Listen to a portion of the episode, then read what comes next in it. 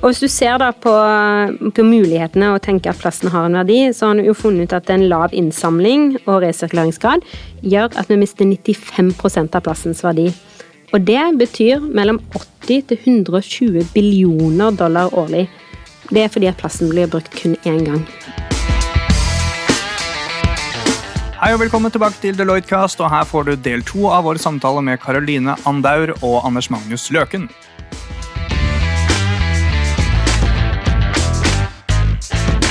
Og så har vi ikke kontroll på da, hvor mye som så vi ikke kontroll på hverken hvor mye som produseres eller hvor mye som egentlig resirkuleres. Eller?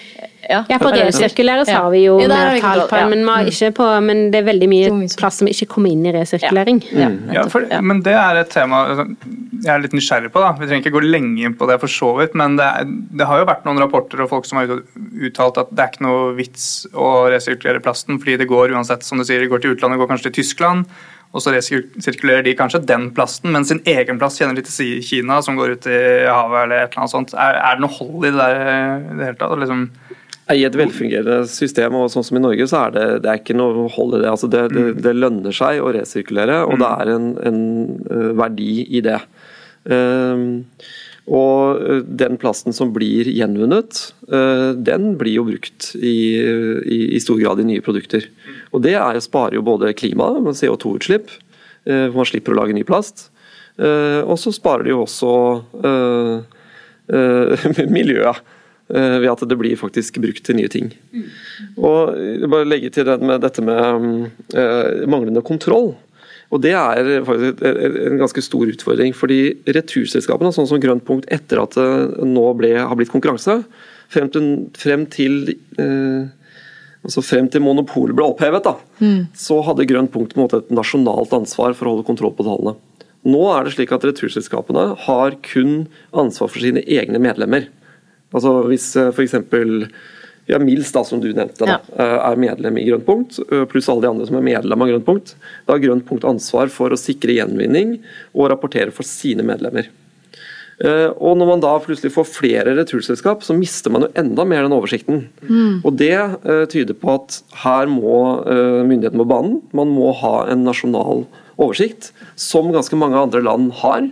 Et emballasjeregister, eller et register over alt som settes på markedet. Da vil man ha en total oversikt. Ja. Uh, og sikre i mye større grad å ha kontroll på alt det ja, som Så det er egentlig tre aktører da, som mm. må samarbeide, som er produsentene mm. av plast, myndighetene og returselskapene. Ja. Uh, og, og det, går, det, er jo veldig fint med frivillige ordninger, men på plass så trenger en noe mer enn frivillige ordninger. En trenger en mm. nasjonal strategi Eh, som har mangla. Og selv om du nevner at liksom, vi har på stell her i Norge på den plastreturen, så mm. er det jo mye problemer eh, i Europa rundt eh, hvordan de resirkulerer plast osv. Mm. Det var jo en stor sak i, i D2 her om dagen òg. Mm. og 21, jeg tror det var sånn opp 21% av plasten sendes ut igjen av Europa. Uh, og den sendes til Asia, der en ikke har kontroll på faktisk hva som skjer. Ja. Så den, på globalt òg så er dette et, eh, et, større problem enn her i Norge, da, som tross alt er et ganske gjennomsiktig samfunn. Og du har sjanse da, òg mm. å få gode planer for, som kan være og kanskje en uh, ambisjon for andre. Men det som er viktig, er at vi eh, tenker hvordan vi skal få ned, få ned forbruket av plast. Uh, og det handler jo mye om at den, det som kalles jomfruelig plast, som jeg syns er et forferdelig ord, men det er det det heter. Uh, som er ny, uh, ny plast, nyprodusert plast. Nyprodusert plast som kommer da hovedsak fra oljeproduksjon. ikke sant? Oljeprisen har vært lav i det siste, da ser vi en økning av plastproduksjon. Og den har vært så billig at det bare lønner seg å produsere ny plast. Ja, for når oljeprisen synker, så blir jo verdien på resirkulert plast blir jo på en måte ja, lavere, egentlig. Ja, fordi ja, da er det, og, det har vært et, og det er et problem liksom at resirkulær plast er dyrere enn jomfruelig plast, som gjør at mm. en har vanskelig å erstatte med det som det trenger. Mm. Eh, og så må vi få økt, ombruk, eller, økt bruk da, av ombruksløsninger, altså, som handler om ulike resirkuleringsprodukter. Men òg på det med materialvalg i design av produkter, som sørger for at du kan ha mer til gjenvinning. Ehm, og så er det jo det er noen markeder som fremdeles ikke har fullverdige alternativer til plast. I forhold til matemballasje så er det jo trygghet først. altså Matsikkerhet trumfer mm. alt. Mm. Så når du skal kjøpe et produkt, ehm, f.eks. kjøtt og fisk som har høy hva skal jeg si, hva heter det på containment hva heter det på norsk? Smitte... Ja, containment. Ja, altså, det blir gift. Forurensningsproblematikk, da. Ja, Ja, bakterier, ikke sant. Så trenger Ja, så de bør kanskje de da bør få lov til å bruke den jomfruelige plasten enn så lenge til andre Ja. alternativer, enn å putte de andre. De insentivene og det, det liksom Se på hele den verdikjeden der, Det er på en måte ikke ikke. sagt at eh, ok, dere får lov til å bruke den type plast, mens dere andre må faktisk eh, finne alternativer. Mm. Ja. Ellers så blir dere hva blir det da? Skattelagt eller eh, avgifter? Ja, det liksom, kan fint at den fint, kunne fint tenkt seg at den har en avgift Ja. eh, på jomfruelig plast, eh, fordi ikke det skal lønne seg. Eh, og det er et økt ressursuttak, og i tillegg så er det et klimautslipp ved det. Og alle vet at vi må halvere ut Eller ikke alle, men nå vet dere det. At vi må halvere klimautslippene med, innen 2030, så vi har ti år på oss. Eh, og den må jobbe i alle sektorer, og det inkluderer plast. Og, og den, den miljøavgift er jo, er jo ganske interessant, for det er det jo på panteflasker. Eh, og de som eh, har panteflasker, de slipper å mil betale miljøavgift hvis gjenvinningsgraden er høy nok. Den blir mindre og mindre dess mer det gjenvinnes. Ja. Så ja. den, den, de to kronene man betaler i pant, det er, jo noe, det er jo ikke en avgift, for det er bare noe som får skal. Det får vi tilbake igjen. Ja. Eh, Men eh, sånn som det er i dag, så er Infinitum, da, som drifter pantesystemet, så effektive at den miljøavgiften på panteflasker, den er null. Og det som skjer da, er at eh, det blir en konkurranse på en måte, og et insentiv for å gjenvinne mest mulig. Eh, Sånn som det fremstår Vil det faktisk bli billigere, rett og slett? ja, ikke sant? Fordi alternativet er ikke sant? Altså, ja, det, det koster en del å drifte pantesystemet og sånne ting. eh, men eh, alternativet å ikke ha den gjenvinningsgraden, da begynner miljøavgiftene å gå opp. ikke sant? Og det er dyrere. Så det lønner seg da at eh, man har høy vinningsgrad. Og se på, noen, se på noen sånne eh, systemer på flere Men på andre plasttyper så er det jo ikke sånn. Nei. Eh, Da er det jo slik at returselskapene kanskje heller konkurrerer om å ha den laveste avgiften. Ikke sant? Så da snakker du om det er en kostnadskonkurranse, priskonkurranse, fremfor en gjenvinningskonkurranse om å gjøre det best for miljøet. Ja, Så det er en veldig spennende sak det der, altså. Og det handler jo litt om, når du ser på den produsentansvarningen vi har nå i Norge som går på den plastemballasjen som ikke er fulldekkende, så har, det for det første så er det jo et mål om at en skal ha 50 eh, em, resirkulering av plast innen 2025. Vi ligger cirka på I Norge? I Norge, så vi ligger ca. på 30% nå. Jeg tror det blir veldig vanskelig å nå det målet slik det ligger opp til. Men det er i forhold til det med avgiften òg, og hva det koster. ikke sant? Altså, den, ofte nå så belastes eh, kommunene med en del av eh, utgiftene rundt det med plastreturnering, for avgiften er ikke høy nok. Så det jo handle om, hvis du ser på Nederland, så er det en mye høyere avgift nettopp for det skal liksom dekke hele verdikjeden og sørge for at du har det i praksis. At, det, at ikke kommunene, som de som samler inn plast, at de må ta en stor del av regningen på vegne av produsentene. Ja, ok, Så nå betaler egentlig kommunene ganske mye Ja, for å litt, ta og det, den? og det som er problemet, er jo at det er veldig forskjellig fra kommune til kommune. da. Ja, jeg leste at det var noen kommuner som samler inn sånn 3 kilo per innbygger, og andre 17 kilo per innbygger. Altså, eh, nei, 20? Altså 17 kilo i differanse mellom noen enkelte kommuner. Det er jo helt vanvittig. Eller, Men, men avfallssystemet i Norge er jo, det er jo på kommunalt nivå. Eh, Og og med, til og med nabokommuner eh, har jo helt forskjellig system. Mm. Det er jo kanskje en litt annen debatt, og litt større debatt, ikke sant? men det handler jo litt om hvordan vi velger avfallsløsninger for, for Norge som land, da, og ikke bare lar det opp til være til kommune til kommune. Sånn så jeg er fra Haugesund, og nabokommunen har liksom kjørt et helt annet system. Ja. Eh, en, og de er liksom Og det er jo som ett stort region, liksom. All, liksom folk jobber på tvers. Altså det er som i praksis bor du samme sted, men du bor i to ulike kommuner, og da det helt forskjellige avfallssystem. Som tror at det var i hvert fall på fylkesnivå. Nei, nei, nei, nei, ikke det helt altså, det. ja, det, Det, er jo, det, det finnes jo ikke krav til kommunene i dag til hvordan dette skal innrettes. Det er på egen fri vilje at vi har lyst til å være miljøvennlige og flinke og ta vår del. Ja, Og hvis ikke man prioriterer det, så blir det ikke resirkulert. Nei, og det er heller ingen eh, spesielle sanksjonsmuligheter hvis Nei. det ikke gjøres. Så der er det absolutt en vei å gå i å gjøre systemet enklere for deg og meg. Altså det, det blir eh, mer enhetlig på, på tvers av landet, da. og det vil jeg tro også og Det er det vel studier som tyder på også, at uh, hvis man klarer å ha flere felles løsninger, da, uh, Kanskje at kommunene deler på sorteringsanlegg eller mer på den type ting, og få det mer på tvers. Så vil det både være mer effektivt og mer samfunnsøkonomisk lønnsomt å gjøre det på den måten. Ja. Og enklere for forbrukere hvis man drar på jobben i en annen kommune, eller drar på hytta. Ja, og forstå hvordan det fungerer.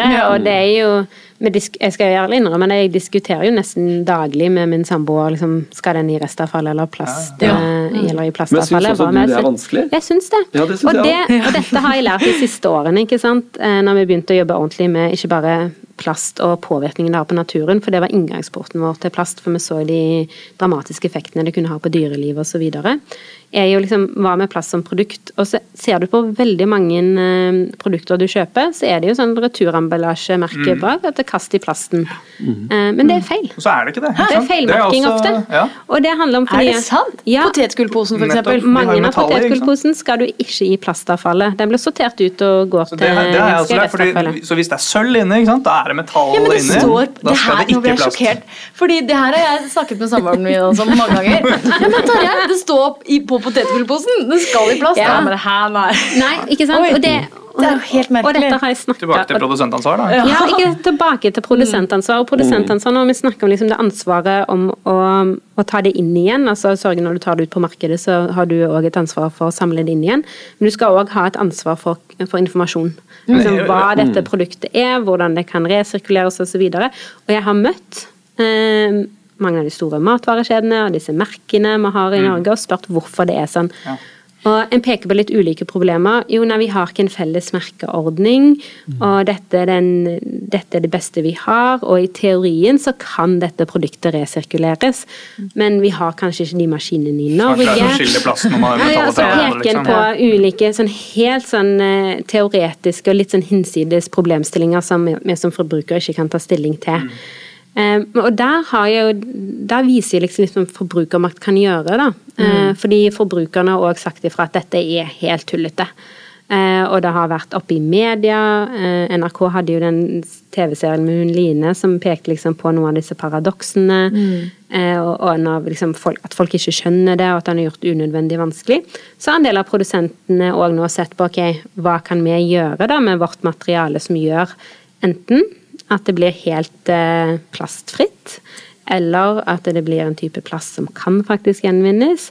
Og kanskje gått bort ifra noen av de kombinasjonene. Og det er jo mange produkter som har hatt Tanken har vært god. ikke sant? Altså Du skal minske mengden plast, så de har, Ja. så de har blanda plast og, og papir f.eks. Mm.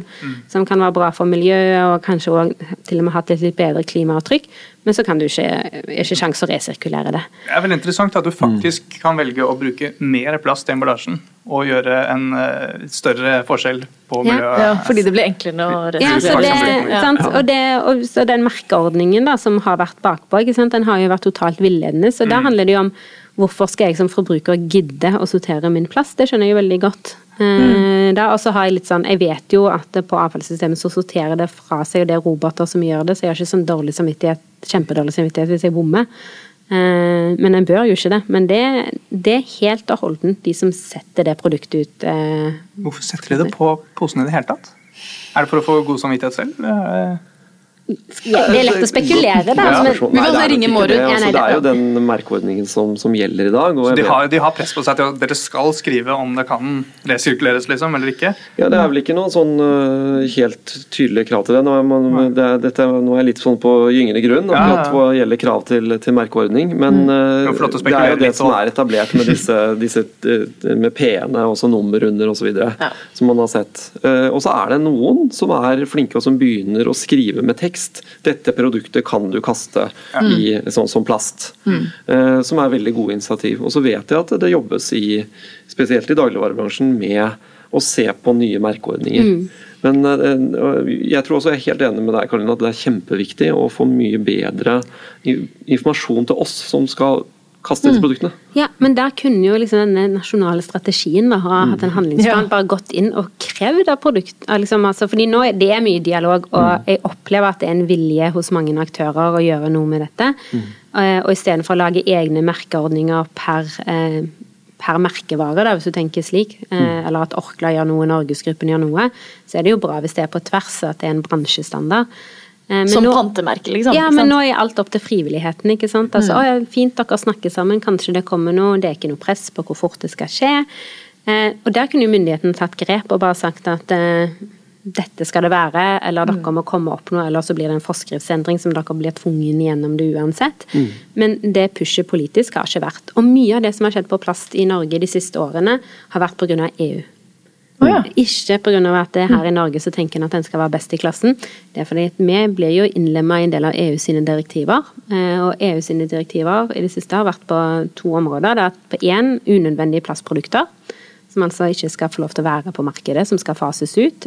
Et godt eksempel der er Q-tips, eh, som eh, om det er nødvendig eller unødvendig kan diskuteres, men du trenger ikke ha den stanga med bomullen være av plast, den kan være av noen andre ting. Papir ja. ja. mm. ikke sant? Så de har sett på en del sånne produkter som må fases inn i Norge. Og så har du òg et eh, direktiv på det med produsentansvar, og så er det òg hele den sirkulærøkonomien som har vært ikke-eksisterende i Norge som en tankegang. Eh, og det kom en avfallsmelding eh, for hva er det nå, to år siden, eller noe sånt. Og det er jo egentlig Og der snakker en kun liksom om avfall eh, som, eh, ikke som en ressurs, men som liksom hvordan kvitter vi oss med det. Istedenfor å putte det inn i en sirkulærøkonomitankegang, altså at avfall kan være en ressurs, hvordan kan det gjenbrukes, hvordan kan vi få til det. Og der er, kommer det press nå fra EU, for der er det et direktiv som er, i, er på plass, eller kommet på plass. Så de har jo sagt noe skal komme her i Norge òg, men det går jo fryktelig sakte. Mm. Og det er helt riktig, det. EU har, eh, har absolutt vært en pådriver for, for dette, og å sette disse kravene. Så det, det for eksempel det kravet om at 50% skal gjenvinnes um, innen, altså innen 2025, så skal man gjenvinne 50% av plassen. Det kommer jo fra EU. Eh, og jeg ser også på det forslaget som, som jobbes med på ny avfallsforskrift, som skal implementere de kravene. Der, er hvordan de skal klare å nå de nasjonale målene med det forslaget, det er jeg veldig usikker på. For det, det tror jeg ikke kommer til å gå. Fordi eh, man sier at panteordningen har så bra um, Uh, bra gjenvinningsgrad.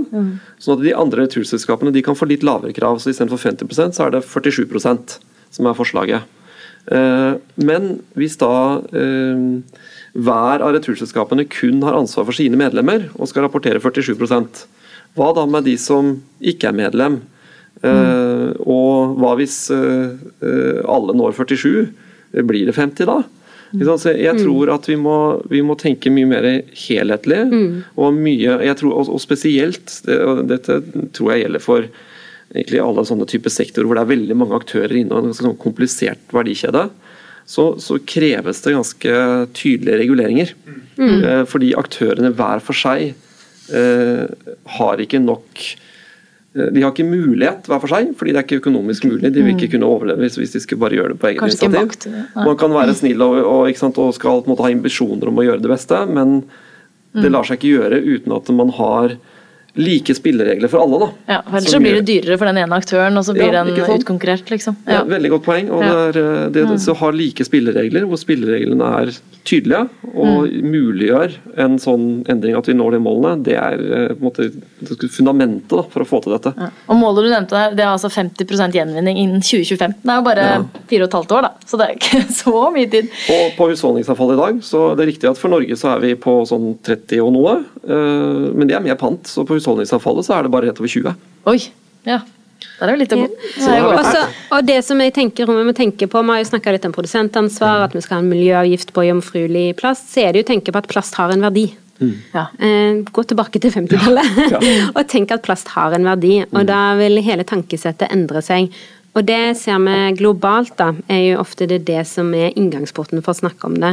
Eh, og vi har jo estimert, eh, altså vi har sett på at f.eks. vi så på 100 selskaper, bl.a. McDonald's, Procter Gamble, Starbuck osv. De kan fjerne rundt 10 millioner tonn marin forsøpling på verdensbasis, hvis de tar noen grep. De 100 selskapene til Ja, sammen? de, ja, de 100 Ja. selskapene til sammen. Og så, hvis du ser på, på den innsamlingsraten og Bare sånn For å sette det i perspektiv, det er mer enn den mengden plast som, som eh, ender i havet hvert Ja, år. det er Som var det. 8 millioner. Ja, det er helt Ja. Det er ganske rått. Ja. Og hvis du ser da på, på mulighetene og tenker at plasten har en verdi, så har du jo funnet ut at en lav innsamling og resirkul resirkuleringsgrad gjør at vi mister 95% av plastens verdi. Og det betyr mellom 80 til 120 billioner dollar årlig. Det er fordi at plasten blir brukt kun én gang. Ja. altså det er verdiene du, som går tapt fordi man ikke resirkulerer eh, plasten, og i stedet brenner den. da, Fordi du ikke vet at det er eh, verdifull plast i den Ja, så må du hele tida kjøpe ny plast. Ja, ikke sant. Mm. Så det er noen enorme tall. Eh, Så det det, det er litt sånn som Så vi trenger her i Norge så trenger vi et regelverk, vi trenger en plaststrategi. Og så må vi litt tilbake Jeg begynte jo podkasten litt i dag med 50-tallet. Og liksom huske liksom hvordan plasten kom opp. Vi må litt tilbake til dit Ja. og tenke på plasten som et verdifullt produkt. Mm. hvordan vi kan eh, sørge for det. Er et materiale i seg selv. Og så tenkte jeg på, Andreas, at eh, en av de neste episodene vi skal ha, eh, så kommer jo Torbjørn, Torbjørn Røe Isaksen. Så da kan vi virkelig ta opp det her, om at eh, han må være med å få på plass dette regelverket. Nå skal vi snakke om framtidens reguleringer. Ja, eller reguleringer for framtiden, så dette er jo perfekt. Og da må du utfordre ham på, fordi han sitter jo i en regjering som har sagt at vi skal forenkle regelverket. At det er noe av det viktigste de gjør. Det å få på plass et regelverk på plast, og få på plass den nas- nasjonale strategien med en handlingsplan, vil jo gjøre livet enklere for alle kommunene der ute, for oss som forbrukere. Så det er en ordentlig, det er ordentlig i tråd med det de ønsker. Ja. Så det er bare til å si til han at det kan du gjøre. Ja. De siste månedene du har før du på post. Ja, da har vi en klar, eh, klar eh, hva heter det? Call to action. Call to action der, ja. For oss, ja. Nå, nå må vi gjøre det. Ja. vi. Jeg skal høre på, hvis det ikke kommer, så blir jeg skuffa. Ja, ja, ja. Nei, men Jeg tror vi skal avslutte Mm. samtalen i dag. Det var veldig spennende å snakke med, snakke med dere og høre litt om uh, hva vi faktisk må gjøre nå. Mm. Uh, Det er ikke bare et problem som eh, altså, Det er et, det er et stort problem som alle vet om. Mm. Nå er det på tide med enda mer handling. Ja, så nå får vi bare oppfordre alle lyttere til å være med og eh, stå opp mot, mot myndighetene. Holdt jeg på å si. Ja, med, med. ja. Kan jeg få lov til å si en siste Ja, ting? ja, vær så god. Fordi vi har jo TV-aksjonen i år. Ja, har du det? Ja, vi i WWF. Um, Og den går jo til plast. Eh, Så den heter Ah. Et hav av muligheter. Men det vi skal jobbe med, er å sørge for at plasten ikke kommer ut i naturen. Og vi skal begynne der problemet er størst, nemlig i Sørøst-Asia. Så vi skal samle inn midler som skal gå til da egentlig det å jobbe med avfallssystemer. eh, Og sørge for at plasten ikke havner ut i naturen på Filippinene, Vietnam, Thailand og Indonesia. Mm. Eh, Og de er jo noen av de som står for mest, eh, opp til 30, mellom 25 og 30 av all plastforsøpling i verden. Oi. Og det er et humanitært problem òg, for de som lever i disse områdene der du ser elvene de bruker blir overfylt av plast, det brennes plast i nabolaget. eh, Det er òg et humanitært problem. Så den er jo ikke før i oktober, men jeg håper liksom at alle blir med og støtter den, og tenker at det er en måte en kan bidra på å sørge for at det, vi, får på plass noen nye system. Ja. Jeg melder meg som eh, bøssebærer. Spørsmålet er om det, hvordan det går med korona, men eh, jeg kan ta med meg en munnbind, kanskje. Så går det vel bra. Hvis ikke, så kan jeg vippse litt. Ja, ikke sant. Ja, men Det var en fin oppfordring til slutt. Da får vi kanskje bare mm, takke for i dag, eh, Andreas. Ja, Kom fortsatt med innspill til nye episoder og temaer spørsmål til podkast.deloitte.no. Eh, og ja, vi, Mm. du kan høre podkasten i alle steder hvor du hører på podkast. Eh, og Så- ja, Så snakkes vi igjen om eh, to, torsdag om eh, to uker igjen. Og takk til dere, Karoline og Anders Magnus, for at dere var med her i dag. Det var kjempelærerikt. Ok, Da sier vi bare vi høres. Vi høres.